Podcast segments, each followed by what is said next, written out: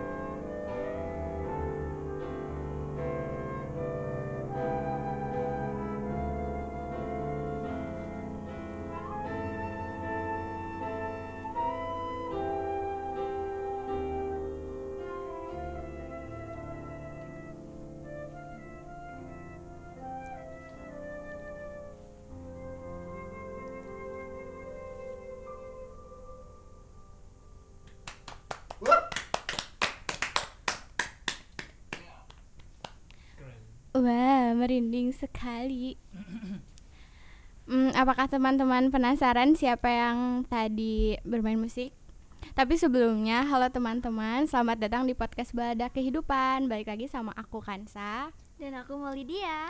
Kali ini kita lengkap lagi ya Ul karena podcast kemarin-kemarin kita sendiri-sendiri, Iya. sekarang kita berdua lagi. Maul gimana kabarnya sekarang? Alhamdulillah baik. Kansa gimana kabarnya sekarang? Alhamdulillah baik. Teman-teman di rumah gimana kabarnya? Eh, gimana tadi udah dengerin musik? Apakah sama merasakan merinding seperti kita di sini? Sekarang kita ngobrolnya nggak akan cuma berdua ul karena di sini ini dia eh, orang yang bermain musik tadi. Teman-teman kepo tidak? Di sini ada Kak Dito Purwa. Halo Kak. Halo. Eh ini manggilnya Kak gak apa-apa kan? Boleh nggak apa-apa kak? Ya. Biasa di sekolah ya? iya benar. Jadi Kak Dito ini adalah guru kita di sekolah juga. Salah satu jadi guru favorit di Yes. sekolah. Siapa? Kapolit kali ya? Iya betul. Gimana Kak selama pandemi apa aja nih kesibukannya sekarang? Hmm, banyak ya. Selain ngajar online, ya daring lah kalian juga tahu ya. Eh, ada set project juga banyak di studio. Sama apa lagi ya? Sama lagi ngembangin ini WO Oh, sama adik nih oh ya. gitu. Wow. Terus eh, tadi musik yang tadi dimainin itu persiapannya berapa hari tuh? Apa udah tinggal berapa hari aja gitu atau harus lama? Hmm, enggak sih itu ya kebetulan produser kalian Kak Fami kan mintanya juga ngedadak ya Ya gitu. kebetulan itu ada apa namanya ada kucing eh kebetulan punya iringan pianonya untuk latihan ekskul paduan suara Mm-mm. ya diganti aja jadi pakai instrumen gitu Oh, iya. latihannya cuma tadi jam 2 gitu baru pulang sekolah langsung latihan Oh, iya. Keren ya? Iya, keren. itu keren sekali. Aku dengarnya merinding Aduh. dan langsung galau. iya langsung kayak tapi adem juga sih? Iya. Jadi kak eh, podcast kita sekarang mungkin akan banyak membahas tentang musik karena ya karena kakak juga kan ahlinya gitu. aduh ya ayo Iya. kita coba aja lah ya Iya. Jadi langsung mungkin yang mau ditanyain pertama eh Kak Dito sejak kapan sih mulai terjun ke dunia musik dan kenapa milihnya musik? Eh, kalau terjunnya seingat kakak sih udah lama ya udah dari kecil kalau suka itu ya Mm-mm. Eh, dulu pernah kata orang tua kakak dulu pernah ke pameran ke pameran ya dulu kan sering ada pameran apa alat musik gitu guys eh, di Bandung gitu Ya. kemudian nah ini juga aware buat kalian nih yang nanti bakal jadi orang tua kalau Mm-mm. lihat anaknya suka pada sesuatu tolong didukung gitu ya Iya. Eh, kakak dulu eh, katanya pernah ke pameran musik kemudian ada sebuah alat musik terus kakak nyonong aja gitu Mm-mm. nyobain semuanya gitu nah akhirnya mungkin dilihat sama orang tua ini anak kayaknya suka musik nih gitu Ya. nah didukung lah dari sejak kecil itu nah ini artefaknya masih ada di sini Wow. ini dari zaman kakak usia berapa ya dua atau tiga ini masih berfungsi kok Oh iya. Mm-mm. masih berfungsi nah gitu cuman secara eh, apa namanya profesional atau secara akademik cuman belajar di pas kuliah sih kalau Hmm. otodidak itu dari SMP juga udah mulai terstruktur oto- otodidaknya gitu Berarti udah lama sekali ya bermain musiknya. ya lama lumayan lah Terus kalau ini nih kak, untuk ini kan para pendengar podcast Bada Kehidupan kan banyaknya Hmm. usia SMA gitu ya. Terus biasanya kita tuh sehari-harinya tidak bisa lepas dari musik gitu. Tuh. Mau, mau senang dengernya musik. Mm-mm. Apalagi kalau sedih kan, senang aja dengernya musik. Apalagi sedih mau apakah mendengarkan juga? Iya kadang sih. Apalagi kan kalau misalkan lagi sedih terus denger Hmm. lagu berasa sedihnya tuh makin makin makin gitu. Jadi terluapkan gitu. Nah, terus kan ada juga eh, kaitannya kayak gini. Eh, musik itu dapat mempengaruhi ap- musik yang didengar itu dapat mempengaruhi sifat seseorang. Terus Hmm. mempengaruhi mood juga. Itu tuh sebenarnya benar atau enggak sih? nah eh, itu sebetulnya jawabannya subjektif ya gimana orangnya Hmm. karena yang namanya musik namanya seni itu perlu para pendengar tahu bahwa seni itu subjektif sekali. Tidak bisa di apa namanya ya tidak bisa disegmentasikan secara umum gitu, eh, secara khusus maksudnya. Ya. anak muda pasti sukanya musik galau atau musik apa nggak bisa gitu. Hmm. sangat subjektif tiap orang pasti beda. Mau sama kansa juga pasti beda. Nah untuk mood ya betul musik juga mempengaruhi mood. Tapi gimana kembali lagi yang tadi subjektif gimana orangnya Hmm. apakah dia mudah terpengaruh atau hanya oh cuman gitu aja cuman Ya. denger aja gitu menikmati aja tapi ada yang sampai dia lagi senang dia lagi biasa-biasa aja tapi dengerin lagu sedih dia wah jadi sedih gitu Iya, ada iya benar. ada yang gitu kan ya Iya. jadi subjektif sih itu ada Mm-mm. yang seperti itu tapi benar loh Eh, kakak pernah penelitian di sebuah SMP di Sukabumi Ya. SMP itu ah, lebih parah dari SM, SMA kita lah. Mm-mm. lebih parah maksudnya. Aturannya lebih ketat. Sekolahnya itu kayak benteng Takeshi gitu lah jalan masuk jalan keluar cuma satu. Jadi kayaknya nggak bisa untuk maba jalan benteng nggak bisa kayaknya. Ya. nah sekolah itu emang ketat. Cuman ada penelitian waktu itu kakak sama teman-teman kakak waktu kuliah penelitian bahwa gimana sih musik bisa mempengaruhi mood anak-anak yang waktu itu emang tertekan gitu ya. Mm. nah ada satu penelitian yang diusulkan sama teman kakak ini unik loh. Coba kita buktikan bagaimana musik mempengaruhi mood mereka. Iya. hari pertama kakak lihat kan jalannya itu agak panjang lah jadi kayak tengah sawah gitu. Hmm. jadi ada jalan ke sekolahnya itu cuma satu. Nah anak-anaknya itu kalau datang ke sekolah pagi jam setengah tujuh itu ya masih pada lemes lah kayak bangun tidur gimana lemes gitu. Nah kita coba eh, besoknya kita pinjam speaker mas masjid speaker sekolah Iya. speaker sekolahnya kita pinjem pagi-pagi itu kita putar lagu Final Countdown Tadadada. Oh ya. Wah. nah ini nih salah satu eh, ciri bahwa musik itu mempengaruhi mood atau psikologi itu biasanya ada tiga tiga aspek seperti kalian kalau belajar itu ada kalau dengar ada afektif psikomotor sama kognitif Iya. ya. Kognitif itu pengetahuan afektif itu sikap psikomotor itu gerak. Nah ini benar-benar berpengaruh si musik ketika eh, anak-anak itu pagi-pagi di perdengarkan musik final countdown jalannya jadi beda. Oh. tadinya jalannya emas gitu tiba-tiba tedodeng seperti Power Ranger mau ikut tarung gitu. Nah itu satu lah contoh kecil bahwa ternyata emang jangan kemu dulu lah ke psikomotor aja gerakan dah. Siapa sekarang yang kalau dengar lagu TikTok tiba-tiba tangannya gerak gitu kan? Oh, iya, itu juga sebetulnya masuk itu ke se- eh, apa yang selanjutnya nanti ke mood apa ke apa gitu. Gitu. Pasti berpengaruh sekali lah. Terus kalau misalkan yang paling sering dipakai mungkin untuk anak muda sekarang kan si sedih-sedihnya itu karena Hmm. lagu-lagu Indonesia kalau didengar-dengar semuanya tentang cinta gitu tentang ya. cinta.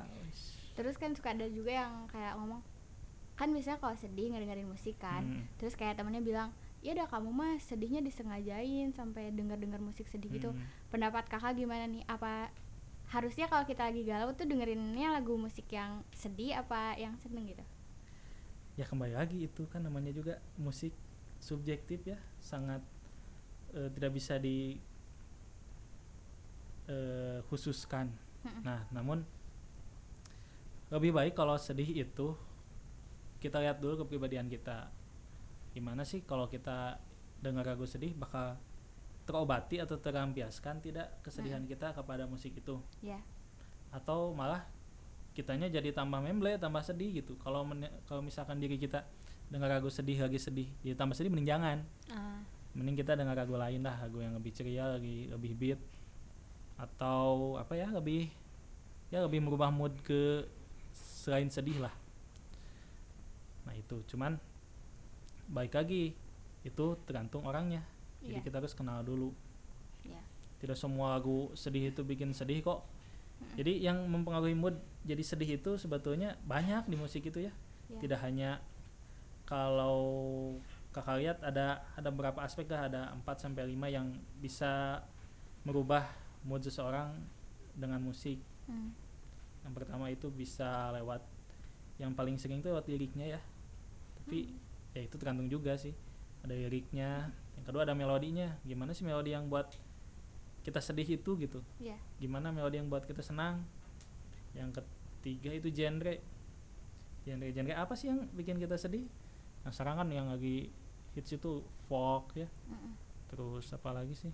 Ambience. Ambience musik kan sekarang ada lagi tuh yang baru tuh terus yang keempat apa lagi ya? Instrumen. Hmm. Mm-mm. instrumen juga berpengaruh. Kalau instrumennya eh full band atau combo pasti suasana sedihnya itu susah dapatnya. Tapi kalau instrumennya gitar piano atau piano aja atau gitar aja atau piano dan biola mungkin bisa lebih moodnya bisa lebih kena gitu. Mm-mm.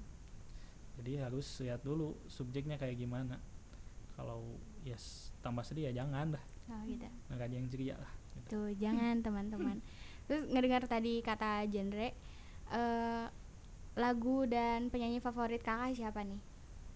Aduh banyak ya Atau enggak seniman musik yang dari dulu kayak oh ya dari dulu tuh kita gutawa Oh gitu.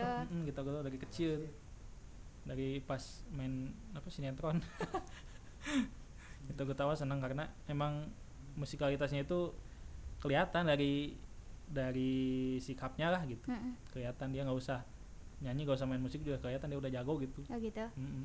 pernah ketemu? Pernah sekali di mall. Wah di mall dulu. keberuntungan itu. Hmm, keberuntungan di Bandung.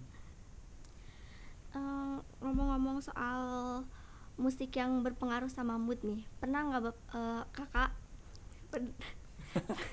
Ini beda segmen biasanya kakak. Saya Iya, ketemu betul. bapak. Ya betul keceplosan guys keceplosan nggak apa-apa nggak apa-apa. Oke, Eh, ngedenger nih, ngedenger musik atau lagu, pas kayak kok maknanya kena banget terus keinget sampai Hmm. sekarang gitu. Musik atau lagu apa itu? ada sih. Eh pernah dengar lagu cakrakan Eh. terus lagu-lagu waktu siapa sih Novita Dewi. Itu penciptanya ada satu orang itu kakak tingkat kakak tingkat kakak di kampus namanya itu Alinada Permana coba dengerin itu. Sampai habis air mataku apa kau berlari kau terdiam teh namanya ah, harus terpisah. terus ada yang satu lagu yang benar-benar sampai sekarang itu bikin sedih itu. Lagu Adi Nada Permana yang judulnya Maafkan Aku. Nah itu. Benar iya. dalam lah pokoknya. Coba dengerin dari instrumennya dari liriknya dari melodinya. Wah itu kena banget lah. Itu lagu apa lagu galau Lagu galau sepanjang masa buat kakak Tapi bener juga sih waktu dulu ngedengerin lagu itu. oh ya aku Nyampe. tidak tahu gitu Terus kalau misalnya eh, kan lagu juga bisa buat ngungkapin perasaan nih. hmm. Pernah nggak gitu eh, mau ngungkapin perasaan ke seseorang tapi lewat lagu? kayak lagu Hilmira yang Iya, sekarang ramai di hmm, TikTok lagi banget. iya iya Iya. ah ya itu balik ke topik tadi kan gimana sih aku bikin kita mood gitu Mm. ada kategorisasi nih ada beberapa kategori orang eh, apa menjadikan sebuah musik lagu it- em, apa untuk menjadikannya galau atau gimana atau Ya. senang ada yang dengan apresiasi yang mendengarkan tadi Mm. mendengarkan lagu galau jadi galau atau dari galau jadi senang lihat eh, dengar lagu nah ada juga yang dengan ekspresi yang kata tadi mau bilang ada orang yang eh, apa mengekspresikan dirinya gitu ya lewat musik musik nah gimana itu maksudnya gitu kan ada beberapa orang yang memang mem- mengekspresikannya itu dengan bermain dengan bermain musiknya Mm. Nah, melu- meluapkan kegalauannya dengan musiknya. Ada juga yang dengan berkarya. Jadi tidak hanya memainkan lagu orang, ada yang juga menciptakan. Gitu. Terpenuhi jawabannya? iya